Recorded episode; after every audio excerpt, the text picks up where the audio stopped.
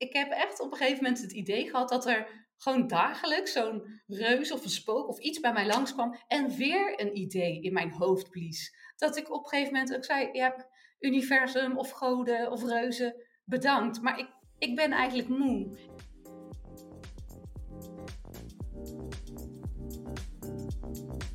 Welkom bij Plannen Simpel, de podcast. Ik ben Renske en deze podcast gaat over productiviteit, gewoontes en alles wat daarbij komt kijken. Deze aflevering van Simply About Habits heb ik opgenomen met Anne. Anne geeft workshops, is zangeres, geeft ukulele-lessen, geeft zanglessen. Maar ze doet eigenlijk van alles. Ze schrijft ook blogs, ze heeft een e-book geschreven en ze heeft zelfs een cursus schriftjes maken gemaakt.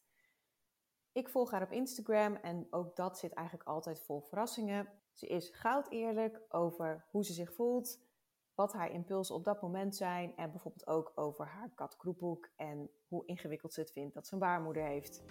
Heel veel plezier met deze aflevering.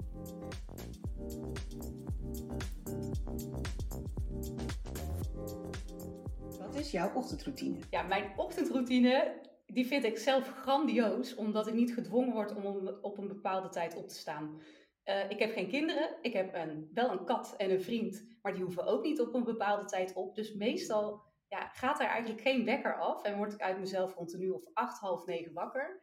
Dan ga ik zo eens rustig uit mijn bed, uh, de katten eten geven, ik maak een gebakken eitje voor mezelf of mijn overnight oats. Ja, ik denk dat je echt al hoort dat ik hier heel enthousiast over ben, omdat ik op die manier niet zo opgejaagd mijn ochtend hoef te beginnen. Ik snap dat heel goed. Ja, hè? Heel fijn. Ja. Is dat wel eens in het verleden anders geweest? Had je een hele andere ochtendroutine? Nou, ik weet toen ik uh, studeerde, ik heb het conservatorium gedaan. En dan moesten we bijvoorbeeld om half negen in een moderne dansles zijn. Oh ja, en dan dat, moest ik me echt naartoe slepen. Überhaupt alles wat, wat vroeg is. Dus ook wel eens eerder een, uh, rond de kerst dat ik uh, kerstliedjes moest zingen met een groep in, in een Albertijn in Breda. En ik woonde toen in Arnhem. Ik denk dat de wekker om half vijf afging. Ja, dan ben ik, ik voel me de hele dag ontregeld, omdat ik het gewoon niet gewend ben. En dan meteen al denk, oh, ik ben al moe als ik wakker word en nu moet ik snel eten en de auto in. En nee, ik hoop dat dit nog heel lang mijn, mijn ritme blijft. En mochten kinderen willen en kunnen krijgen, dat die ook van nature gewoon pas rond een uur of negen wakker worden. Dat zou heel fijn zijn. Ja, ik hoor dat zoveel van jonge ouders, dat die kinderen zo lekker laat wakker worden. Mhm, nee, hè? Nee. um, Oké, dus de ochtend is misschien niet helemaal, de vroege ochtend is niet helemaal jouw dagdeel.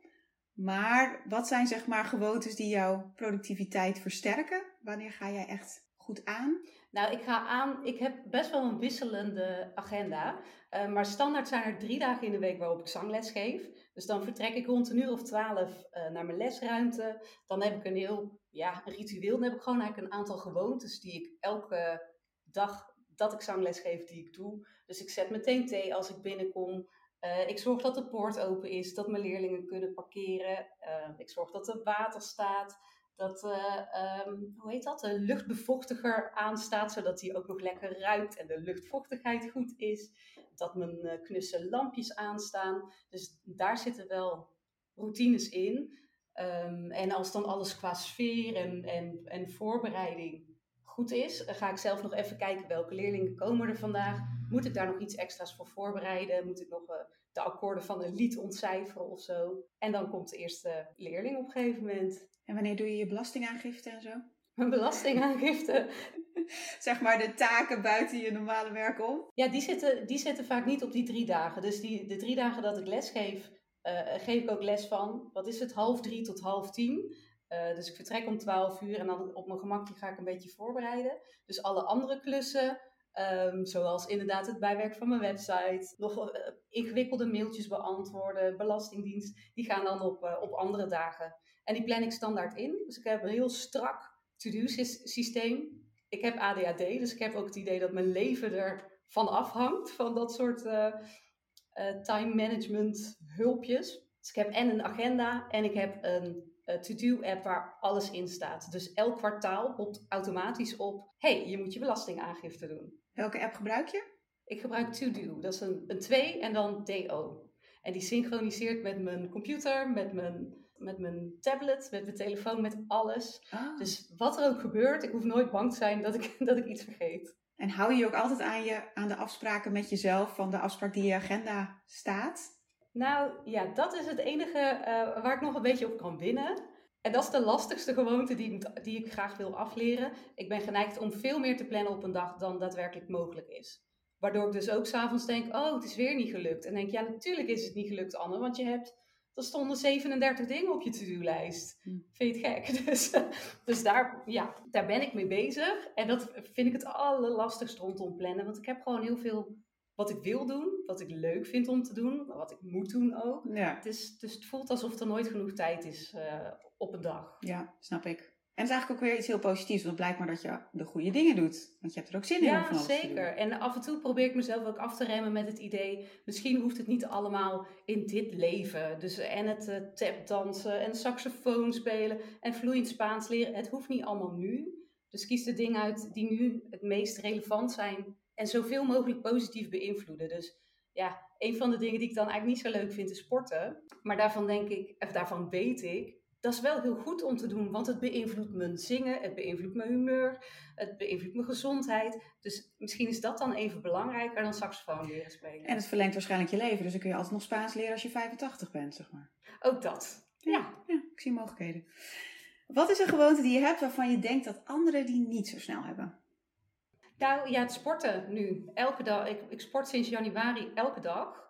En, en daarmee bedoel ik niet per se ik sport. Ik ga elke dag anderhalf uur in de sportschool staan, maar ik beweeg elke dag. Eh, dus ofwel ik, ik fiets naar mijn werk, of ik doe gisteravond had ik een les paaldansen van anderhalf uur, of ik doe yoga ochtends. Ja, ik verwacht niet dat anderen die, eh, die snel hebben, omdat andere mensen die misschien ook niet nodig hebben, die gewoonte. En voor mijn gevoel heb ik hem nu nodig om te zorgen ja, dat ik iemand word die van nature vaker sport. Die het logisch vindt om met de fiets naar de werk te gaan. Of die het logisch vindt om voor het slapen gaan even lekker een lesje yoga te doen. Waarom ben je ermee begonnen? Waarom of wanneer? Eh, nou ja, beide. Maar ik vroeg inderdaad waarom ben je ermee begonnen? Ja. Eh, nou, het was eh 1 januari en ik dacht, ik zal eens gaan hardlopen. Het was niet per se een goed voornemen om te gaan hardlopen. Maar tijdens het hardlopen dacht ik, hé, hey, wat als ik nu van dit jaar het jaar maak waarin mijn relatie met bewegen verandert? Want ik heb daar altijd zo'n stroeve relatie mee gehad, want het moest omdat je anders dik werd. En dik zijn zou dan natuurlijk volgens de maatschappij het allerergste zijn wat er bestaat. Het is verschrikkelijk. En ehm, eh, dus, dus daar kwam het vandaan. Omdat ik wilde zorgen dat bewegen iets leuks werd. Dat ik ook zou uitvinden wat past nou bij mij. Waar vind ik de minste weerstand en het meeste plezier in het bewegen. En op die manier ben ik ook van alles gaan uitproberen. Dus het hardlopen heb ik eigenlijk niet zoveel gedaan. Want dat doet snel pijn aan mijn voeten. En dan het weer is niet precies zoals ik het wil. dus, dus ik heb ehm, daarom ook van alles uitgeprobeerd. Zoals een kunstschaatsles waarvan ik dacht, oh, maar dit vind ik ook heel leuk. Want het heeft iets elegants en eh, ja, iets moois of zo. En ehm, eh, ik, ik wijk helemaal af volgens mij van jouw vraag. Oh nee hoor, helemaal niet. Heel uitgebreid op in. Want is dat, is dat kunstschaatsen iets wat je goed is bevallen of ben je er weer vrij snel mee gestopt? Nou, dat beviel heel erg goed, maar dat was elke zaterdagochtend. En toen werkte ik nog elke zaterdag als actrice voor een eh, bedrijf. Ehm, dus daar kon ik toen niet mee door. En de kunstschaatsbaan heeft nu volgens mij een zomerstop. Dus het, het is misschien wel iets wat ik in september oppak. Maar ik heb eigenlijk bedacht om van alle sporten die ik leuk vind, een soort strippenkaart aan te schaffen. Zodat ik lekker kan wisselen. Dat ik niet vastzit, ook vanwege mijn werk, aan vaste dagen en momenten. Dus ik denk dat dat het beste voor me werkt. En dan is het kunstschaatsen zeker wel iets wat ik wil oppakken, ja. In de zomer kun je rolschaatsen natuurlijk dan. Ja, dat klopt. Die heb ik dus ook. En daar heb ik ook een les in gevolgd. Want ik dacht, nou, dan kan ik dat ook eens proberen. Dus ik heb rolschaatsen en ik heb skates. Maar ik heb wel ook hele scheve voeten. Dus van nature, als ik rolschaats... Ik merkte op een gegeven moment, ik ga standaard scheef. Ik ga, terwijl ik recht vooruit ga, ga ik, ga ik naar rechts. Eh, dus eigenlijk is mijn lichaam misschien niet per se gebouwd om eh, dat soort rolschaats, skate, schaatsachtige sporten te doen. Dus ik merk dat dat een klein beetje demotiverend is. Maar het is absoluut een optie, rolschaatsen. hey, en dat eh, paaldansen, zou je dat andere vrouwen ook aanraden? Absoluut. Hm. Ja, ik vind het echt geweldig. Daar moet ik alleen wel bij zeggen, ik heb dat nu weer zes keer gedaan. Het kan maar zomaar dat, over twee eh, dat ik over twee maanden denk, "Pff, ik heb de hele tijd blauwe plekken. En ik moet er helemaal voor naar Tilburg. En dat ik het dan helemaal niet meer leuk vind. Want ik, ja, ik raak vrij snel verveeld. Maar tot nu toe vind ik het echt geweldig, omdat je en sterk voelt Ja. en sensueel. En je kan er muziek bij gebruiken. En het heeft invloed voor mij op, op alles. Omdat het en conditie is en kracht. En dus eh, eventueel met musicaliteit te combineren. En je kan je ook nog heel sexy voelen. Ja, dat is ook leuk. Ik voel me een soort circusartiest. En dat, dat vind ik een leuk gevoel. Ja? Dat heb ik bij basketbal of zo. Dat vind ik alleen maar stom. Dan krijg ik straks zo'n bal in mijn gezicht. En, eh, zijn, ik heb heel veel argumenten waarom dat gewoon een slecht idee is. En daar niks leuks aan te bedenken is. Nee, ik denk niet dat basketballers zich eh, per se sexy voelen, zeg maar. Nee. Nee hè? nee. Nee, of elegant. Of dat je, weet je, ik heb bij paaldansen, deed ik gisteren een beweging die ik, die ik eerder nog niet kon. En dan denk ik echt, wauw, dan heb ik mezelf weer overstegen of zo. Dan denk ik, ja, bij basketbal, ja, je gooit een bal in het net. En het is heel eh denigrerend naar basketballers, maar ik heb dat met alle balsporten. Ik, zie- ik zie daar de, het plezier niet van in. Nee. Wat, wat doe jij, Renske, voor sport? Ik ben ook geen sporter. Oké. Eh, dus ik, eh, dat heb ik ook al vrij snel vastgesteld. Dat ik niet dat gen heb die denkt: Goh, heb ik even de partij zin om eh, Mhm. in het zweet te werken. Dus ik heb een gewoonte gemaakt van hardlopen. En dat doe ik eigenlijk altijd met mijn favoriete podcast. Dus die spaar ik ook op. Dus dan mag ik alleen die ene podcast luisteren als ik ga hardlopen. Oh, slim. En dat doe ik om de dag en altijd aan het eind van de middag. Dus dan ga ik daarna ook lekker douchen en koken. Dus dat is eigenlijk ook een hele fijne routine geworden. Ehm, welke, volgens jou, gekke gewoontes heb je? Ja, ik heb één hele eh, ja, rare, vind ik zelf. Als ik onrustig ben, dan ga ik alle kastjes in huis langslopen en kijken of ik iets weg kan gooien. Daar word ik dan zo'n beetje dwangmatig in. Alsof ik denk, als mijn huis maar helemaal onder controle is, dan heb ik het leven onder controle. En dan, terwijl ik, ik denk dat ik dat echt wel, misschien wel één keer in de maand heb. Ik had toevallig gisterochtend weer. En dan ga ik ook alle keukenkastjes en dan, dan ik wil gewoon dat, dat alles precies op de plek staat waar het moet staan of zo. Ja, ik vind dat een hele rare gewoonte en ook eigenlijk wel een hele gunstige. Want daardoor is er heel veel overzicht in ons huis. Ja. En van de kastjes van mijn vriend blijf ik dan af. Daarvan weet ik, ja, dat is, eh, dat is echt één grote eh, bende. Maar daarom heeft hij ook eh, in mijn ogen zijn eigen kastjes. Want ik wil niet dat mijn georganiseerde spullen dan gemixt liggen met al zijn, zijn, ja, zijn troep eigenlijk. Ja. Gooi je dan ook wel eens iets weg? Dat je iets in een kastje tegenkomt en dan... Van hem bedoel je of van mij? Nee, van jezelf, ja. Oh nee, van mezelf. Ja. En het, eh, het, het onhandige aan de gewoonte is, dan gooi ik het vaak, of ik geef het, eh, ik geef het weg, of als het echt kapot is of weet ik veel wat, dan gooi ik het weg.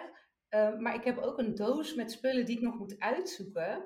Die staat op de gang en die staat daar, nou ja, die stond eerst achter een deur en in een kastje. En, maar die doos, die bestaat denk ik al, ik denk al acht jaar. Die verhuist ook gewoon mee van de, ene woning naar de andere met het idee, die moet ik nog eens uitzoeken. Dus daar zitten ook aantekeningen van het conservatorium in. En ehm, brieven die ik nog eens na wil lezen. Dingen voor in mijn plakboek. eh, edelstenen die, waarvan ik de betekenis dan nog uit moet zoeken of zo. Dus alle dingen waarvan ik denk, die liggen nog niet op de juiste plek. Die, maar ja, maar dat voelt wel een soort blok aan mijn been. Dat ik denk, die doos is er nog, die doos. Dus, nou, het zou le- een leuke gewoonte zijn als ik vanaf nu elke dag die doos eh, een half uur uitzoek. Nou, als het weer 1 januari is, dan ga je dat gewoon elke dag één ding doen. Ja, wie weet. Maar ik heb, volgens, ik heb eigenlijk alweer bedacht dat ik nu vanaf 1 januari elke dag eh, piano, ukulele en gitaar ga studeren. Zodat ik in 2023 iemand ben die niet alleen zichzelf goed kan begeleiden op instrumenten, maar die echt, weet je wel, ook, ook zonder dat ik erbij zing, dat ik een klassiek stuk kan spelen. Maar we moeten volgend jaar nog maar zien of, of dat dan nog steeds belangrijk genoeg is. Of dat er iets anders voor in de plaats komt. Daarin eh, probeer ik ook maar gewoon te vertrouwen dat, dat ja, als het goed voor me is, dan komt het wel. En als het niet het moment is, dan komt het een andere keer. Of dan komt het niet. We nemen gewoon volgend jaar nog een keer deze podcast op en dan kijken we hoe je ervoor staat. Wat het is Ja, ik ben heel benieuwd. Ja.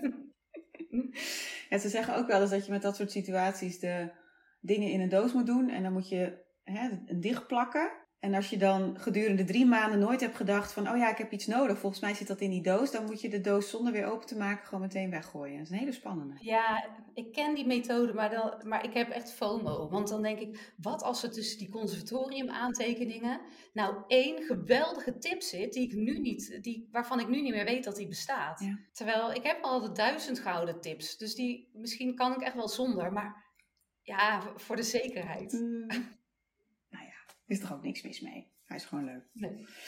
Welke gewoonte ben je ooit met goede moed aan begonnen? maar doe je nu eigenlijk niks meer mee? Uh, ik ben ooit begonnen met Miracle Morning. Dat was toen een trend om, om vijf uur opstaan, tien minuten mediteren of tien minuten bewegen. De, de hele handel, ja, daar werd ik zo chagrijnig van, zo vroeg. En het was ook eigenlijk niet te doen, omdat ik de dagen dat ik zangles geef, ja, ben ik meestal pas rond een uur of tien thuis. En dan wil ik nog het gevoel van even ontspannen voor ik ga slapen. Dus meestal lig ik, ik lig sowieso niet voor elf uur op bed. Ja, en als dan om vijf uur de wekker gaat, dat is niet handig. En het is helemaal niet handig om dan dus die eerste paar uur al helemaal productief te zijn. Terwijl ik ook vanaf, uh, vanaf drie uur of half drie, als mijn zanglessen beginnen, wil ik ook alles kunnen geven. En niet het laatste restje, omdat ik in mijn Miracle Morning al mijn energie al eh, in het visualiseren of zo heb gestoken. Dus dat, uh, nee, dat was hem niet. Heb je toen wel gedacht, ik ga de Miracle Morning beginnen om negen uur bijvoorbeeld, zoiets? Ja, heb ik wel gedacht. Heb ik ook een tijdje geprobeerd. Maar dan zijn er van die dagen, ja, ik, ja dat vervalt dan weer. Omdat het toch niet, het levert me dan toch niet, goed, uh, niet genoeg op. En ik doe het dan meer om te bewijzen aan mezelf dat ik discipline heb. Dan dat ik er echt van geniet. Want dat visualiseren, dan denk ik ook, zijn de tien minuten al voorbij? Oh, dan mag ik stoppen. Dus dat, mm, ja, dat is toch niet zo heel erg handig. Ja, nee. nee. Doe je wel eens aan journalen? Uh, nee, niet met de hand, want ik hou heel erg, dat is misschien een andere gekke gewoonte. Ik hou op zich wel van papier, maar ik wil alles digitaal hebben. Dus ik vind het heel fijn als ik iets van me af moet schrijven, dan typ ik het van me af, zodat ik het ook later terug kan lezen. Ik vind dat ontzettend leuk om te zien en soms schrijf ik dat in een documentje voor mezelf. Dus als het over privé dingen gaat, of ik heb bijvoorbeeld ruzie met mijn vriend, of er speelt wat ingewikkeld. Nou ja, dan blijft dat ook voor mezelf in een documentje. Um, maar afgelopen week zat ik uh, uh, over kind, het krijgen van kinderen na te denken. En dan schrijf ik bijvoorbeeld ook een blog over. Dus dat, ja, dit, dat journal, journalen krijgt allerlei soorten vormen bij mij. Dus je, vaak als je iets journalt, dan vertaalt het zich wel naar iets van een blogpost. Of ik zag dat je ook wel e-book schrijft. Ja, dat klopt. Ja, ik was het alweer vergeten. Dat klopt. Ik, had, ik heb ook een keer een e-book geschreven. Uh, dus of het gaat inderdaad naar een blogpost, of het komt als story online. Dus ik merk heel erg dat ik alles kan, goed kan verwerken als ik het uitspreek of uitschrijf. Mm -hmm. En um, dat doe ik dan ofwel in het openbaar op Instagram of op een blog, of tegen mijn vriend, of uh, in een uh, privé dagboekje online. Ja, daar zijn wel allerlei. het moet in ieder geval ergens heen. Ik kan het niet gewoon in stilte verwerken en doorgaan met mijn leven. Eigenlijk moet alles in taal worden omgezet. Heb je dan ook een systeem dat je denkt, oh ja, ik heb een paar maanden geleden toen dat opgeschreven, of niet opgeschreven, maar ergens getypt. Kun je het dan weer snel terugvinden? Ja, ik heb uh, een documentje in Google Drive dat heet Het Grote Boek van 2022. En daar schrijf ik dan alles in waarvan ik denk, oh ja, dat moet ik van me afschrijven. Ja, dus daar kan ik dan alles in, in terugvinden. Mooi. Oh, en wat ik trouwens ook heb, Renske, uh, via Rick Pastoor, die heeft het ja. boek Grip. geschreven en die heeft een energy tracker of zo. Dus ik krijg elke avond om 12, of om 12 uur, om 10 uur krijg ik een mailtje van hem. Hoe was je energie vandaag? En dan kan ik gewoon in die mail aanklikken een cijfer van 1 tot en met 10. En dan kan ik er eventueel iets bij zetten. En dat probeer ik ook heel erg aan te houden, omdat ik zo heel snel terug kan kijken. hey, welke maanden ja, zat mijn energie hoog of laag? Of zit daar een logica in? Uh, en, en daar ben ik geneigd om dan de lat heel hoog te leggen. Want dan wil ik, vind ik ook dat ik daar elke keer drie dingen bij moet schrijven waar ik dankbaar voor ben. En denk ik, heb uh, geen zin, dus ik sla wel over. Terwijl het is wel heel prettig om elke keer gewoon dat cijfer aan te klikken. En ik hoef niet ja, ik kan ook gewoon een fatsoenlijk leven leiden zonder dat ik elke dag compleet uh, kan analyseren en zo. Ja, natuurlijk. Ja, want kun je dan later ook die patroon inderdaad terugzien? Van wanneer je dus steeds een energieniveau hebt aangeklikt? Ja, die cijfers kan je dan terugzien in een grafiekje. Mooi. Ja. En wat is een beetje een patroon wat je daarin ontdekt? Nou, dat ik helemaal niks te klagen heb. Want ik zit ik meestal wel rond de... Uh, ik denk gemiddeld zit ik rond de 7,5 qua. Ja, en dan denk ik qua energie weet ik niet zo goed fysiek, maar qua totaal. Ik denk nou, ik ervaar het leven vandaag als een, toch zeker wel gemiddeld, gemiddeld als een 7,5. En uh, met heel vaak uitschieters naar boven en eigenlijk niet zo heel vaak uitschieters naar beneden. Dus dat, uh, dat vind ik heel leuk om terug te zien. En wel speciaal. Ik weet niet of iedereen zo'n hoge score geeft aan zijn leven. Ja, en ik vind ook altijd met dit soort dingen, maak het ook laagdrempelig voor jezelf. Je kunt wel zeggen, ik ga elke avond uh, een enquête invullen van 24 vragen, maar dan weet je toch al dat je het niet gaat doen. Dan liever even die ene vraag die heel veel inzicht geeft, toch? Nou, en wat ik wel doe, is elke week, en dat komt dan in mijn to-do-lijstje ook omhoog, een vergadering met mezelf. En dan heb ik niet 24 vragen, maar wel een stuk of 10 vragen. Mhm. En dan heb ik eigenlijk met mezelf afgesproken, ik mag ze ook afraffelen, maar vul ze nou maar gewoon in. Waarin ook staat, hey, wa- wat was mijn blinde vlek deze week? Of wat had ik verkeerd ingeschat? Eh, heb ik me aan mijn eigen afspraken gehouden? Waar verheug ik me op voor volgende week? Ja. Wat zijn de dingen die me afgelopen week, eh, die achteraf heel erg hebben bijgedragen aan mijn gevoel van geluk of aan mijn energie of mijn focus? En dat is ook wel heel nuttig om, ja, om te zien.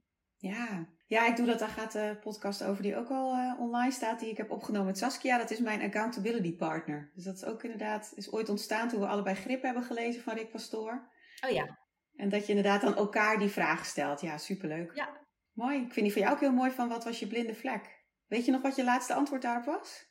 Eh, volgens mij dat mijn vriend de auto had. eh, eigenlijk had- hadden we afgesproken dat hij de auto mee zou nemen. Alleen ik had dat niet in mijn agenda gezet. Dus daardoor eh, ja, liepen dingen even anders of zo. Ja. Dat je denkt, moet ik iets in mijn systeem aanpassen, dat ik dat niet weer vergeet. Nee, precies. Ja, het zijn vaak dat soort dingen. Of, eh, of wat heel vaak terugkomt en wat ook steeds beter gaat. Ik denk, oh ja, ik moet niet de hele week vol plannen, want er komt altijd iets tussendoor. Want de auto moet ineens naar de garage.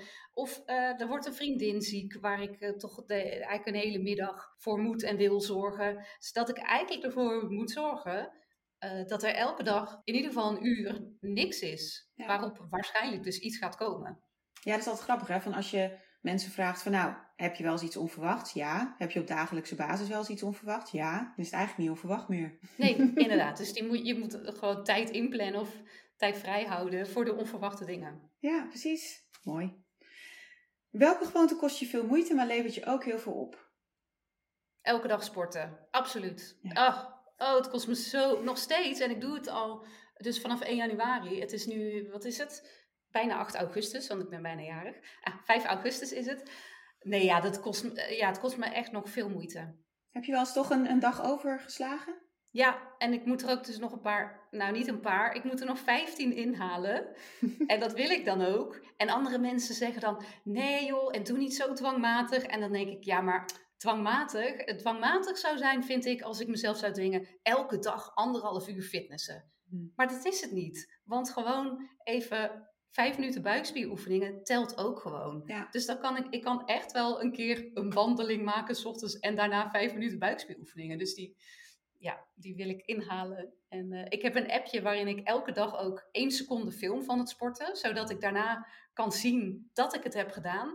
Dus ook daarom wil ik het gewoon. Ik wil straks een video van 365 dagen dat ik sport. En ik kijk nu af en toe al terug en dan denk ik, wauw, wauw, moet je eens zien hoeveel ik al heb gedaan. En dat is heel, ja, ik vind dat heel motiverend. En dan vind ik mezelf ook echt een heel inspirerend persoon. dat maakt het zo leuk. Dus die 15 dagen ga ik zeker nog inhalen. Ja, heel tof. Ik vind ook met mijn horloge, ik heb zo'n iWatch ding, Ja, die geeft dan ook als workout optie dansen. Dat vergeet ik altijd. Dus soms heb ik ook voor mijn gevoel niet genoeg bewogen op een dag. En dan zet ik even dansen aan, even goede muziek op mijn koptelefoon. Even lekker dansen en dan heb je ook weer een soort workout gevoel. oh ja, dat telt dan ook eigenlijk. Ik vind dat dat telt, ja. Na deze opname ga ik dat dan misschien even doen, ja. Ja, dus als Apple vindt dat het, dat het telt, dan vind ik ook dat het telt. Precies. Wat is een gewoonte die je zou willen hebben, maar ga je waarschijnlijk toch nooit doen? Oh ja, ja, die zag ik in mijn voorbereiding. Die stond natuurlijk ook op jouw papier. Die heb ik, die heb ik niet. Want als ik een gewoonte wil hebben, dan ga ik zorgen dat ik hem krijg. Maar wel als toevoeging, wat ik daarnet al zei, ik zou als gewoonte willen hebben dat ik elke dag eh, een half uur gitaar oefen en een half uur piano en een uur zang. En ja, maar die is heel vaak niet belangrijk genoeg. En het sporten is nu wel belangrijk genoeg. Dus ik vertrouw er heel erg op. Als de gewoonte die ik wil hebben belangrijk genoeg is, dan zorg ik dat het gebeurt. Mooi, ik vind het heel mooi. En je hebt natuurlijk altijd maar een bepaald aantal uren op een dag. Dus als je onbeperkte tijd had, zou je het wel doen. Ja, inderdaad. Ja, ik moet keuzes maken. Ja, en dit vind ik altijd een leuke. Welke gewoonte heb je? Omdat het volgens de huidige culturele regels zo hoort, maar eigenlijk heb je er helemaal niks mee. Nou, die heb ik dus eigenlijk ook niet zo heel erg. Oh, En dat, vind ik, ik, dat vond ik heel leuk om te ontdekken, ook bij de vorige vraag. Ik zorg dat het zo gebeurt zoals het bij mij past. Hmm. De, eh, de enige die ik de laatste tijd aan het veranderen ben, wat heel lang heeft geduurd, is dat ik de neiging had om taart te eten die ik niet lekker vond. Dus bijvoorbeeld standaard slagroomtaart op een verjaardag, waar ik eigenlijk helemaal geen plezier aan beleef. En van die, van die prachtig mooie uh, bruiloftstaarten met dat marsepein of fondant, dat vind ik ook echt niet lekker. Maar ja, ik ga toch niet op een bruiloft, die heb ik weet niet hoeveel geld al betaald voor die taart. En dan, dan voel je een beetje schuldig. En nu denk ik, nee, ja, ik ga dat gewoon niet meer doen. Nee, ik vind altijd bij een stuk taart, dan vraag ik me af, is dit de calorieën waard? Precies, en dan eet ik liever s'avonds een zak uh, bugles met, met kaas uit de tube, dan dat ik ja, maar door die taart heen zit te worstelen. Ja, ik kreeg in coronatijd van mijn werkgever regelmatig ook van die laffe slagroomtaart. En dan ga je die toch maar wegeten, maar... Nee. Mhm. nee. Ja, nee, en met bijvoorbeeld drie kussen of knuffels, dan probeer ik aan te voelen, wat wil ik vandaag? En dan zeg ik soms zelf ook, uh, ik geef je even een, hand of mag ik je een knuffel geven? En gelukkig is dat op corona veel minder gangbaar geworden en is iedereen daar zoekende in. Dus dat voelt eigenlijk heel prettig dat je daarin samen kan zoeken in plaats van dat ik standaard iedereen maar zo'n halve laffe knuffel geef of zo. hey, je zei dat je bijna jarig bent. Mhm. Doe je dan ook een beetje de traditionele Hollandse tradities op een typische verjaardag of is dat ook heel anders voor jou? Ehm, nou, een gewoonte is de gewoonte is sowieso dat ik verwacht dat mijn ouders me bellen om 12 uur s'nachts. Ze hebben een keer een jaar gehad dat ik om tien over 12 stuurde, uh, of dat ik ze zelf belde en zei: Hallo, ik ben jarig hoor. dus dat is uh, de, de gewoonte is uh, die verwachting. Net als de verwachting dat de plek waar ik woon, als ik samen woon of destijds bij mijn ouders wonen, dat daar dan versiering hangt als ik wakker word. Ja. En ja, ik probeer het altijd wel te vieren. En dat was afgelopen jaar door corona wel anders, want ik kon geen mensen uitnodigen. En nu woon ik niet zo, uh, mijn vriend en ik wonen niet extreem groot. Dus we gaan het wel vieren. We vieren het zondag. En uh, ik heb afgesproken dat we, ik woon heel mooi aan het water. De flat waarin, ik, uh, waarin we wonen staat aan het water. Dat we gewoon buiten gaan zitten, buiten hapjes en drankjes en spelletjes. En dan zijn er wat mensen uitgenodigd. Leuk. Ja. ja. Je moet op verjaardag vooral doen waar je zelf vooral zin in hebt, zie je niet? Ja, inderdaad. Mooi. Ja, vind ik wel. Mijn verjaardag. Ik ja, moet kiezen. Precies. Ja, en deze, kende je het? Het Ulysses contract? Nee, ik had er nog nooit van gehoord. Nee. Ik ken de hele term niet, maar nee. Dus is er ook iets waar jij een Ulysses contract met jezelf nodig hebt? Uh, nou, ik heb wel met mezelf eigenlijk een soort afspraak. Mijn telefoon moet weg. Als ik op de bank een boek ga lezen, dan ligt mijn telefoon op tafel. Hm. Of dan ligt hij op de gang, omdat ik anders toch heel snel ga kijken. Is dat een goed voorbeeld? Ja, want hij hoeft niet in een kluis of zo, of dat je maar je vriend geeft van nou... Heb ik denk ik ook wel eens gedaan. Hm. Maar ik heb geen kluis. Die staat wel op mijn verlanglijstje inderdaad. Eh, zo'n kluis. En, ehm, en op diezelfde manier als ik ga slapen, maar ik hou me daar dus niet altijd aan. Afgelopen weken ging dat weer wat minder goed. Mm, dan wil ik ook mijn telefoon niet in mijn buurt hebben. Mm. Het idee is echt uh, een uur voordat ik ga slapen niet meer op een scherm. Mooi. Heb je ook iets met dit Ulysses contract met eten? Dat je zegt, nou als dat in huis is, dan gaat het sowieso op? Ja, ja, alles. Uh, tenminste, alles, wat, alles waarvan ze, men zegt dat het niet zo heel erg goed voor je is. Dus uh, chips, chocola, koekjes. Ik stop wel als ik voldaan ben. Maar ik, het duurt best wel even voor ik voldaan ben. Dus ik kan hmm. best wel wat koekjes en chips eten. En dan denk ik, oh, nu lust ik eigenlijk ook nog wel wat dropjes. Dus als je door de supermarkt loopt, dan denk je, oh, dat moet ik niet kopen? Nou, ja, ofwel. En, maar ik ben daarmee aan het eh, experimenteren. Uh, omdat het ook heel lekker kan voelen, merkte ik, als juist alles in huis hebt. Dat, als alles in huis is. Dus als ik drie soorten chips heb, mhm. drie soorten koekjes, drie soorten chocola. Want dan ga ik echt voelen, ja, maar wat wil ik nou echt? Want ik ga dit niet allemaal opeten. Dan, ga ik, dan raak ik in een, een voedselcoma of zo. Dus dat, dat werkte ook wel. En ik ben nu toevallig een boek aan het lezen over eetgewoontes. En ik merk dat ik heel erg de gewoonte heb om elke avond zo rond half elf, dan gun ik mezelf nog, omdat ik vaak tot half elf of zo dan heb gewerkt, dan gun ik mezelf om nog even te ontspannen. En ik ontspan heel erg ja, met chips of met chocola. En, en van die gewoonte wil ik wel ehm, af, want dat mm. is gewoon niet zo'n hele handige. Ik kan ook gewoon een kop thee drinken en naar bed gaan. Maar daar ben ik mee aan het experimenteren, aan het uitzoeken wat ook past bij mijn levensstijl en mijn ritme. Ja, het gekke is ook altijd dat als je die gewoonte eenmaal hebt, dan krijg je zo'n zin in chocolade of chips rond dat tijdstip. Ja, Inderdaad. En dan ben je dus, volgens dat boek, die vergelijkt het ook met die Pavlov-reactie van, van een hond. Dat de hond begint te kwijlen, niet alleen als die het eten hoort, maar als die elke dag ziet wanneer jij naar de keuken loopt of wanneer, eh, weet ik veel, wat voor andere trigger er is, dan gaat hij al kwijlen. En op die manier werkt dus ons lichaam schijnbaar ook. Ik ga zitten op de bank, ik denk, nu kan ik ontspannen. En mijn lichaam denkt, oh ja, ja, ja, we gaan ons klaarmaken, want er komt nu chips. Dus jij krijgt nu trek in chips. Terwijl ik heb dan geen, uh, zegt dat boek, geen fysieke honger. Het is gewoontedrang. Dus ik probeerde nu gisteravond voor het eerst. Dacht ik, ik wil chips. En toen dacht ik, nee, dit is die kwijlende hond die, die, die naast me zit en die, die iets van me wil. En ik ga nu consequent zijn en zeggen, nee, dat gaan we niet doen. Mm ja, en dat lukte gisteren. Wat goed. Dus uh, ik ben benieuwd. Nou, dat is ook altijd is die, die eerste fase dat je dan hebt vastgesteld: oké, deze gewoonte wil ik niet meer. Dan is het in het begin zo moeilijk om ermee te stoppen. Ja, ja. Nou, en ik vind zeker rondom eetgewoontes is het nog wat complexer, omdat je, je hebt voedsel nodig. Dus als, ik, als het om, om roken ging, of uh, weet ik veel, ecstasy gebruik, dan was het wat concreter, mm. omdat je wist, ja, ik moet daar eigenlijk gewoon echt mee stoppen. Dit is heel erg onhandig. Terwijl af en toe een paar pepernoten of zo, ja, die wil ik mezelf niet ontzeggen. En af en toe een chipje of een taartje. Of een... Dus, dus dat maakt het lastig. En natuurlijk de dieetcultuur, of de veranderende dieetcultuur, waar ik echt een voorstander van ben. Dus dan denk ik ook, ja, maar wil ik nu mijn eetgewoontes veranderen voor mij? Of toch om ergens aan te voldoen? Of zou ik niet juist mezelf moeten blijven toestaan om elke avond chips te eten? Want het gaat niet om hoe dik ik ben. En dan denk ik, ja, maar ja, ja hmm, dat is ook weer een soort van rebels. Ik hoef ook niet per se ja, mezelf helemaal te gaan overeten om maar te bewijzen. ik ben activistisch of zo. Dat, is, dat vind ik ook niet handig. Dus die, ja, dat is, dat is een beetje een zoektocht.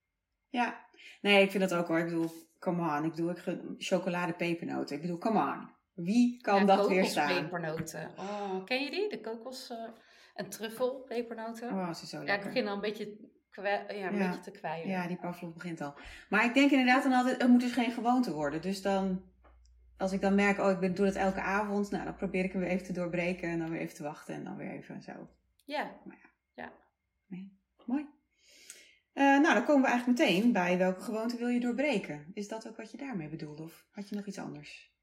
Ik heb, uh, ik heb heel lang nagels gebeten. Daar ben ik op een gegeven moment mee gestopt. Daar was ik heel trots op. En toen begon ik twee jaar geleden aan het knabbelen op mijn linkerduimnagel. En daar wil ik echt heel graag mee stoppen. Dat ik, ja. En elke keer wordt hij een beetje langer. En dan komt er een moment dat ik denk: oh ja, maar nu wil ik mijn tanden erin zetten. En dat vind ik een hele onhandige gewoonte. Dus daar wil ik gewoon heel graag vanaf. Dat is er één. En ik had er nog twee. Ik heb de neiging, als ik dan thuis kom, s'avonds, vooral s'avonds, want dan is, het, ja, dan is je brein moe, dus dan is het ook lastiger om de goede keuzes te maken.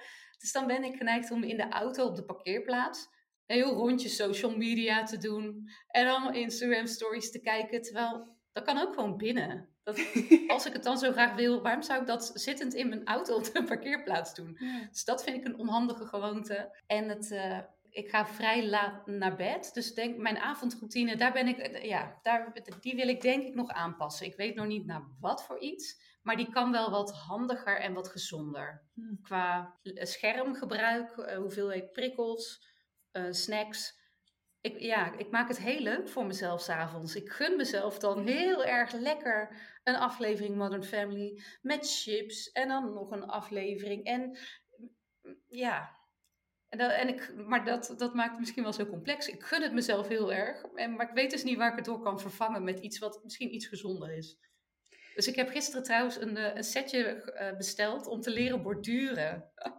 ik dacht, stel je voor dat ik, ik ga eens proberen hoe het is als ik s'avonds dan na het werk een half uurtje borduur met een kop thee. Nou ja, we zullen zien hoe dat, uh, hoe dat gaat, gaat lopen. Ik vind het cool. Nou ja, als je deze code gekraakt hebt, dan moet je natuurlijk een boek schrijven dan The Miracle Evening of zo. Dan wordt dat de bestseller, toch? Bijvoorbeeld. Nou, ik ben wel bezig met een, uh, een cursus over ADHD, over georganiseerd leven met ADHD, omdat ik vind dat ik zeker voor een ADHD'er, maar sowieso echt super georganiseerd leef. En natuurlijk loop ik, want dat, dat hoor je in, de hele, in, in mijn hele verhaal, echt nog wel tegen dingen aan. Maar er loopt zoveel zo goed en ik heb zoveel tactieken waarmee het allemaal lukt. Het is alleen nog even het fine-tunen van ja, hoe het bij mij past. En ja, de grote het grote dilemma van dat er maar 24 uur in een dag zitten. Dus dat ik nog minder op mijn stuurlijst moet zetten. Ja, keuzes maken. Ja. Ja. Wat geeft je nu de meeste waarde? Ja. Dat komt vanzelf. Ik uh, ben ook weer benieuwd hoe je vanaf 1 januari uh, met het muziek maken aan de slag gaat. Ja, of wat er dan weer voor project komt. Maar ja. nou ja, ja, ik, ben, ik, laat, ik laat me verrassen door mezelf. Maar soms zeg ik ook... ken, je, ken je het boek De Grote Vriendelijke Reus van uh, ja. Die, ik heb de film gezien, dan, ja. Oh, je hebt de film ook gezien, ja. ja. Die, die reus loopt dan met zo'n, met zo'n soort trompet volgens mij. En die blaast dromen door de ramen van kinderen. En ik heb echt op een gegeven moment het idee gehad dat er gewoon dagelijks zo'n reus of een spook of iets bij mij langskwam. En weer een idee in mijn hoofd blies. Dat ik op een gegeven moment ook zei, ja, universum of goden of reuzen, bedankt. Maar ik, ik ben eigenlijk moe. Ik wil niet weer een nieuw idee of weer een nieuw, een nieuwe inspiratie voor een hobby. En wat ik dan, oh, ik ben moe, ik ben moe, laat me even bijkomen. dus ja. Um, wanneer had je een overnight succes? nooit. Volgens mij echt nooit. Nee joh, ik zet allemaal uh, kleine stapjes. En die, ja, die zorgen dan uiteindelijk voor successen in, in, op verschillende manieren. Dus energetische successen, dat ik erg blij word, of financiële successen. Maar ik, heb, ik kan me niet herinneren dat er ineens iets kwam wat me overviel, waarvan ik dacht: oh wauw, waarom is dit nou ineens zo'n succes? Nee, ik, ja, ik, ik ga mezelf dan toch een beetje op de borst kloppen en zeggen: ik, ik doe gewoon heel veel en ik zet heel veel kleine stapjes op heel veel verschillende gebieden, waardoor dan de kans er is dat dingen een succes worden. Ja. Maar heel veel dingen worden bijvoorbeeld dan ook ja, niet echt een succes of zo, of op een andere manier een succes dan ik had verwacht. Wat mooi dit. Ja, ja, dat is eigenlijk ook wel fijn, want dan voelt het alsof je zelf een beetje. Ik, ik kan zo zelf mijn kansen vergroten op het succes door wat ik doe. In Ja. plaats van dat het maar dat het leven een soort kindersurprise-ei is. En dat ik af en toe een overnight succes heb en dan weer niet. Maar volgens mij had jij wel met die cursus gifjes maken, dat het op een gegeven moment echt storm liep. Ja, dat klopt. Even kijken hoe dat ging. Oh ja, het zat zo. Ik neem je even mee in de tijdlijn van dat, datgene wat een overnight succes leek. ik had, eh, eh, het was op een gegeven moment corona natuurlijk. Ik kon veel minder zangles geven, want mensen mochten niet in het echt naar me toe. Alle optredens werden geannuleerd, alle workshops werden geannuleerd. En toen dacht ik, nou dan kan ik mijn site wel weer eens updaten. Eh, dat vind ik altijd heel erg leuk. En, ehm, eh, maar ik heb de neiging om dan weer van mijn haar te veranderen. Om weer te denken, ja, maar ik, mm, over een half jaar ben ik toch misschien wel weer, eh, is mijn sixpack terug. En dan kan ik weer andere kleding aan. Dus ik wilde geen nieuwe foto's laten maken. Want eh, ik dacht, ja, dan moet ik over een half jaar weer nieuwe foto's en blijf aan de gang. Dus toen dacht ik, nou, ik ga gifjes maken van mezelf. Ik vind techniek leuk, ik kan dat wel. Toen had ik die gemaakt. Iedereen vroeg, hoe heb je dat gedaan? Toen dacht ik, nou, ik heb nu toch geen, geen ja, workshops live die ik kan geven. Ik geef een online workshop over die gifjes maken.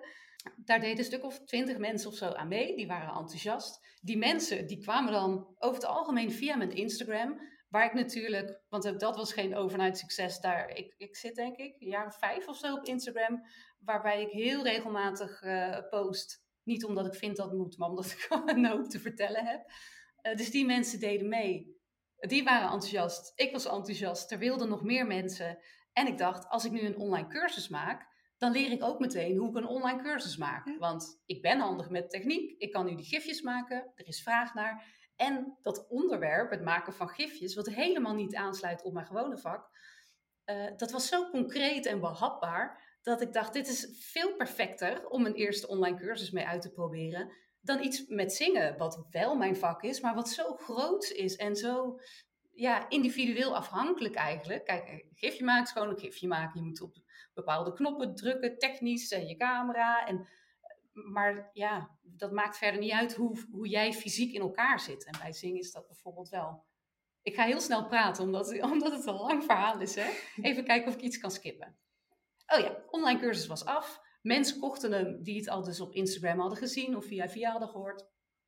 En toen gaf uh, Celine Charlotte een, een cursus over stories maken. Celine Charlotte is een uh, grote ondernemer vanuit Nederland. Die heeft allerlei online cursussen.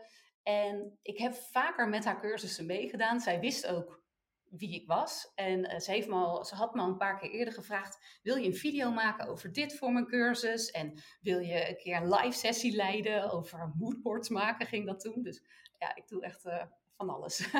maar uh, toen vroeg zij aan mij: mag ik anders jouw gifjescursus als bonus geven bij mijn cursus Stories maken? Dat vond ik super spannend. Want het zou dan in ruil zijn voor een shout-out van haar kant. Waardoor dus misschien heel veel van haar volgers mijn cursus zouden kopen. Nou, ik, ik, heb ook gezegd, ik ga er even een nachtje over nadenken. Of mag ik je over een paar uur terugbellen? Want dat moet ik even laten bezinken. En toen besloot ik, ik ga het gewoon doen. We zien wel wat er gebeurt. Dan heb ik dit ook eens meegemaakt. En ehm, ja, toen konden natuurlijk heel veel mensen, die konden ineens meedoen. Dus er waren er Hm, ik denk 350 of zo, die ineens meededen. En toen gaf zij een, uh, een shout-out. En toen werd hij nog eens 100 keer gekocht of zo. Dus dat leek ineens allemaal. Uh, ik denk dat het voor buitenstaanders een soort overnight succes leek. En ik kreeg ook wel dat soort berichtjes van zo, en hoe heb je dat gedaan? En dat ze jij dan zomaar een shout-out geeft. En zo. En dat ik ergens dacht, ja, maar ik heb niet alleen maar geluk. Het is geen toeval. Ik ben bij mm. al haar cursussen en dat is helemaal niet met voorbedachte raden. Maar ik ben altijd heel enthousiast geweest en betrokken bij al haar deelnemers, omdat ik dat leuk vond. Daardoor ben ik opgevallen. Ik ben open geweest. Ik was bij live sessies. Dus, dus het, ja. En ik ben goud eerlijk. Dus ze, weet, ze weet wat ik kan. En uh, natuurlijk zijn er nog, denk ik, in haar cursussen honderden andere geweldige eh, vrouwelijke eh, vrouwen of ondernemers of mannen of wat dan ook. Maar het is niet dat het toeval, het, het is me niet alleen maar over, uh, aankomen waaien. Dus dat, ja, ergens ineens zoveel mensen in je cursus. Ik dacht wel, oh, wauw. En tegelijkertijd dacht ik niet, zo, dit was even een lekker overnight succes. Want ik, ja, dat is een, een resultaat, wat wel een verrassend resultaat, maar van dingen die dan bij elkaar samenkomen. Ja, ik vind het ook altijd heel mooi, die quotes. En ook mensen kunnen soms ook die quotes heel mooi visueel maken van als je een ondernemer ziet online, dat je denkt, die heeft opeens een dikke vette geluks. Hè, die heeft geluk gehad, mm die heeft mhm. opeens zo'n post die viral gaat. Altijd zo van ja, kijk ook even verder naar wat iemand allemaal in stilte op de achtergrond heeft gedaan om hier te komen. En dan lijkt het alsof het opeens een piek is, maar het is natuurlijk, hè, er zit heel veel onder dat topje van de ijsberg. Oh, daar zit zoveel onder. Al die kleine stapjes. Ja, en die moet je zetten. Neemt natuurlijk niet weg dat ik wel uh, privileges heb. Dus dat ik bijvoorbeeld uh, wit ben en daardoor misschien makkelijker uh, zangleerlingen aantrek, waardoor ik een bepaald inkomen heb of zo. Dus er zijn, ik, dat, dat weet ik zeker, daar ben ik me ook heel erg bewust van. Maar alles wat ik nu heb bereikt, dat is niet alleen door mijn privileges en verder achterover hangen. Ja. Dat is een combinatie van beide. En ik denk dat we die beide niet mogen ontkennen, eigenlijk. Ja. Wat een mooi verhaal. Dank je. De laatste van de open vragen. Wat is iets wat je niet weet, niet kunt, maar wat je wel graag zou willen weten kunnen? Nou, heb je even. uh, nu komt de lijst. dit is wel ook de lijst waarvan ik denk, ik wil het allemaal doen en kunnen, maar ik heb, het, ik heb er tot nu toe was het niet belangrijk genoeg om er veel voor over te hebben. En heel veel dingen wil ik ook kunnen, maar ik wil er niet heel lang voor oefenen. Uh, dus bijvoorbeeld uh, jodelen, flamenco dansen, goochelaarsassistent zijn, gitaar, beter gitaar spelen, saxofoon leren spelen, vloeiend Spaans spreken en Italiaans en Russisch en Turks en Marokkaans. Ja, nou ja, dat soort dingen. Kleine dingen, gelukkig. Nee, ja, en eigenlijk ook nog wel een opleiding logopedie, een opleiding muziektherapie, een opleiding psychologie. Ja, dus zo heb ik echt een hele lijst van, van, van dingen. Maar ik denk de belangrijkste dingen die ik wil leren, zoals iemand worden die het leuk vindt om te sporten en die, ja, die daar een goede relatie mee heeft, dat zijn de belangrijkste dingen. Nou, dat vind ik ook zo mooi aan jouw verhaal. Van je gaat er wel mee aan de slag. Dus het is ook niet zo dat je dan denkt van nou, ik wil dat allemaal, maar laat me even zitten. Je bent wel echt iedere dag een stap aan het zetten. Ja, ja, absoluut. Ja, dat is ook mijn grootste dat is ook het, hetgene wat me denk ik het meeste heeft gebracht. Want vroeger was ik veel sneller eh, bang en ongemotiveerd. Of nee, ik was wel gemotiveerd, maar overweldigd door alles wat ik wilde en nog niet kon. En dan kon ik echt uh, ja, gewoon voor me uit gaan zitten staren en denken, ja, ik weet het allemaal niet. Het is, het is te veel. Ik kan, nee, ja, nee, dit, ik, ik red het nooit. ik, ik loop al achter, ik heb niet genoeg tijd. En nu denk ik, ja, nou, ik kijk gewoon wat ik vandaag ga doen. En eh, Ja. Elke stap is er eentje. Precies. Mooi.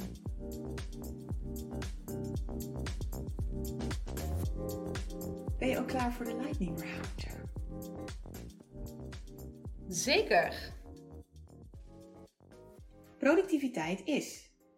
Met energie en plezier dingen doen die ertoe doen. En die quote, dat moet ik erbij zeggen, die komt van Evelien Bijl. Evelien Bijl is eh, op Instagram de perfectionisme coach. En ik ben het eigenlijk wel met haar eens. Behalve dat met energie en plezier dingen doen die ertoe doen. Ja, soms is het niet met plezier. Want als ik de, ba- de badkamer schoonmaak, ja, ik heb daar niet veel plezier in. Maar dat doet er wel toe, omdat ik er wel plezier in heb om een schone badkamer te hebben. Eh, en wat er dan toe doet, ja, dat verschilt per persoon. Ja. Voor mij is een schone badkamer eh, wel relatief belangrijk. Ja, net zoals die belastingaangifte doen, weet je? Exact. Als Ja. het gedaan is, zijn we blij. Laatste serie die je hebt gebingewatcht. Ik zit nu voor de tweede keer in Modern Family. Ik kijk heel vaak series twee keer. Als ik weet, dit is gezellig, dan wil ik nog een keer die gezelligheid. Je moet vandaag een tatoeage nemen. Welke wordt het? Ja, dan zou er staan, maar misschien niet in het Nederlands, omdat ik dat awkward zou vinden. Het is al goed. Groetjes, God. En dat is omdat ik luister soms de podcast van Omdenken. Ik ben heel erg groot fan van Omdenken, omdat zij problemen ook met een soort lichtheid en een humor benaderen, zonder de problemen weg te wuiven. En daarin was iemand te gast waarmee ik me heel erg kon identificeren, die ook zei, ja, en ik weet niet wanneer het allemaal goed genoeg is. En ja, ik herken dat heel erg, want soms voel ik gewoon, voelt het alsof ik pas echt gelukkig kan zijn en, en achterover mag leunen als de hele wereld gelukkig is. En de hele wereld ook bijvoorbeeld voldoende geld heeft. En iedereen in alles gelijk is. En eh, in die podcast werd, eh, ja, werd aan die persoon gevraagd, maar wat zou je doen als God nu naar, ja, naar de aarde zou komen en die zei, goh hé, ja, je bent eigenlijk al klaar. Iedereen moet zijn waardeel bijdragen. Jij hebt het al gedaan, je bent klaar. Dus als je wil mag je mee naar de hemel of je blijft nog even hier. Wat zou je dan doen? En toen zei die persoon, oh ja, dan zou ik hier blijven en ja, gewoon een beetje leven en zo. En ik dacht, wow, dat zou gaaf zijn. Oh, wat zou ik? En ik zei al in het begin, ik geef mijn leven sowieso is elke dag gemiddeld een 7,5 en vaak hoger. Maar wat zou ik dan nog extra comfortabel en gelukkig leven? Als ja, God dat zelf. Dus ik weet niet of een tatoeage zou helpen, want dat is nog steeds niet God zelf. Ik wil dan ook echt een, ja, zoals we hem verwachten, met een wit kleed en een lange baard. Als een luisteraar eh, mijn, mijn leven eh, wil, verder wil helpen, dan verras me gerust een keer door in een, met, een, met een lange baard in een wit kleed naar me toe te stappen en te zeggen dat je God bent. En dan te zeggen, het is al goed Anne, ga maar een beetje lekker aanrommelen. Je hoeft niet de wereld te redden en oké. ben maar gewoon blij. Nou, je kunt je zangarm natuurlijk dan die tattoo zo op je onderarm doen. Dan zien heel veel mensen het als je aan het zingen bent. Ja, dat, ik heb al een, eh, een, een tattoo op mijn onderarm. Oh ja. Ja, maar die staat dan voor, eh, eh, voor, mijn, ja, voor mijn familie, voor het idee dat ze, dat ze er zijn, dat, of dat ze er zijn geweest. En dat ik weet, oh, dit heb ik gewoon al cadeau gekregen van het leven. Mijn super fijne familie. Hmm. En ik heb dan nog, want ik, ik heb een opa, oma, oma, papa, mama, zusje, ik. En dan heb ik er eentje extra, omdat ik er acht wilde. En acht is mijn lievelingsgetal. En ik dacht ook, het is mijn arm. Als ik gewoon een extra vogel op die arm wil, Natuurlijk. dan zet ik een extra vogel erop. Dus eh zodoende. Mooi. Welk boek neem je mee naar een onbewoond eiland waar je de rest van je leven moet doorbrengen? Ja, ik dacht een e-reader met een internetverbinding. Maar als dat geen optie is, dan ga ik denk ik toch wel voor een, een boek met hoe overleef ik op een onbewoond eiland. Zodat ik, misschien zodat ik een vlot kan bouwen. En dan in ieder geval op andere onbewoonde eilanden mensen erbij kan halen. Dat het een beetje gezelliger is. Eh, en dat ik niet de verkeerde besjes in mijn mond stop. En vind het dan niet eens erg om een besje te eten en dood te gaan. Maar dat je zo'n besje eet waarvan je net niet doodgaat, maar gewoon wekenlang hele erge of- hebt of zo. Ja, dat moeten we echt voorkomen. En als het een fictieboek moet zijn? Oh, jeetje. Oh, ik, hmm, ik denk dat ik dan toch zou gaan voor iets van Roald Dahl of zo. Zo'n super dik boek met allemaal verschillende verhalen erin. Omdat daar heel veel fantasie en creativiteit in zit en zo, en humor. Mooi, ja. Je hebt een gratis vrije dag en 1000 euro zakgeld. Wat ga je doen? Waarschijnlijk zou ik gaan piekeren Want ook, ik heb ineens 1000 euro. Moet ik dat dan niet aan ja, de vluchtelingen van Oekraïne of iemand anders helpen? En hoe is die verhouding dan? En hoeveel mag ik dan voor mezelf houden? En als iemand dan zou zeggen, Anne, kappen nou, dit is voor jou en Ja. alleen jij mag er iets mee doen. Ja, Dan zou ik denk ik naar Spanje vliegen met wat leuke mensen en daar lekker eten en mijn voeten laten masseren en gewoon lekker in de zon zitten. Ja, zon, zon en lekker eten en misschien naar flamenco voorstelling of zo. Lekker samen kampvuur s'avonds, liedjes zingen. Klinkt echt heel goed. Ja, hè? Ja, dat is een goeie. Favoriete app waar je eigenlijk veel te veel van je tijd aan besteedt?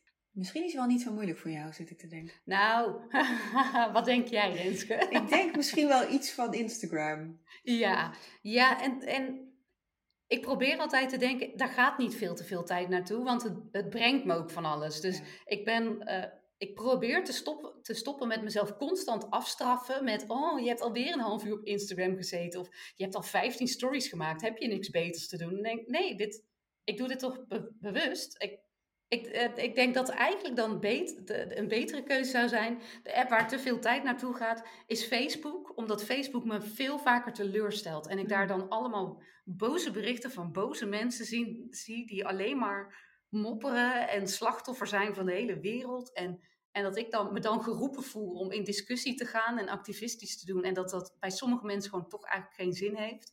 Dus daar zou ik dan liever mee willen minderen. Ja, gewoon verwijderen.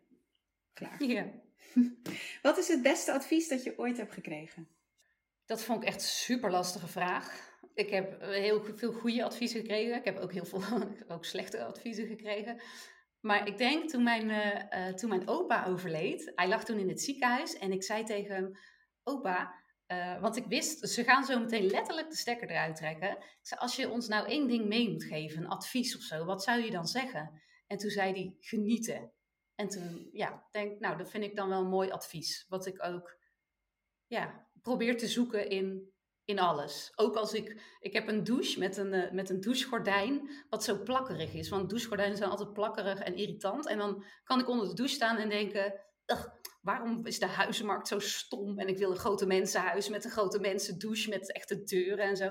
En dan denk ik, oh nee, maar ik kan ook gewoon genieten. Moet je kijken joh, lekker warm water. Oh, de geur van mijn douchegel. En dan, ja, dus ik vind denk ik genieten en zoeken naar, naar, naar waar het plezier en het genot en de, ja, waar dat in zit. Dat dat misschien wel eh, een van de mooiste advies is. Helemaal eens. Heel mooi. Ja. Wat is een boek uit jouw Midnight Library? Ja, da- nou, ik had het boek, dat boek niet gelezen, maar dat ging dus over eh, ja, de andere route die je had kunnen nemen. Ja.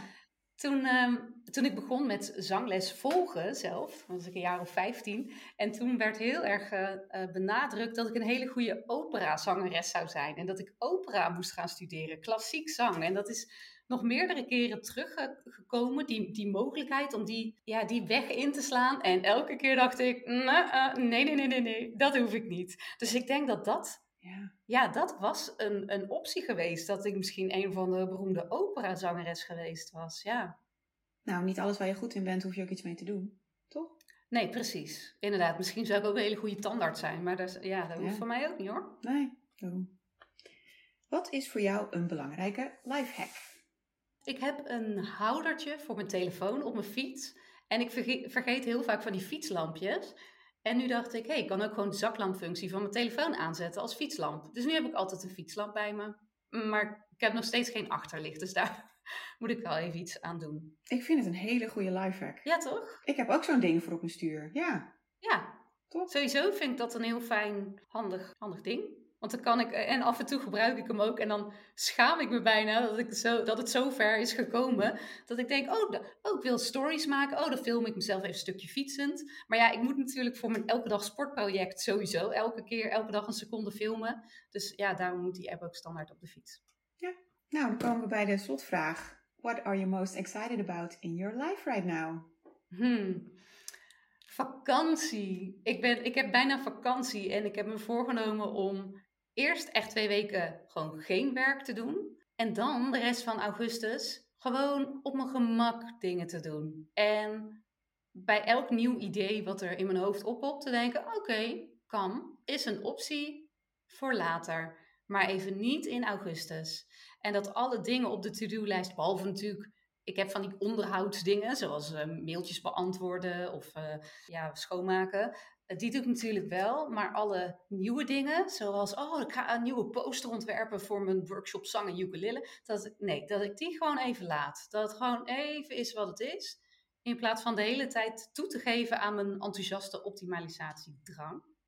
Dus ik kijk daarnaar uit. En ik kijk dan tegelijkertijd ook uit naar september. Omdat ik dan in september wel helemaal al die impulsen misschien weer kan volgen of zo.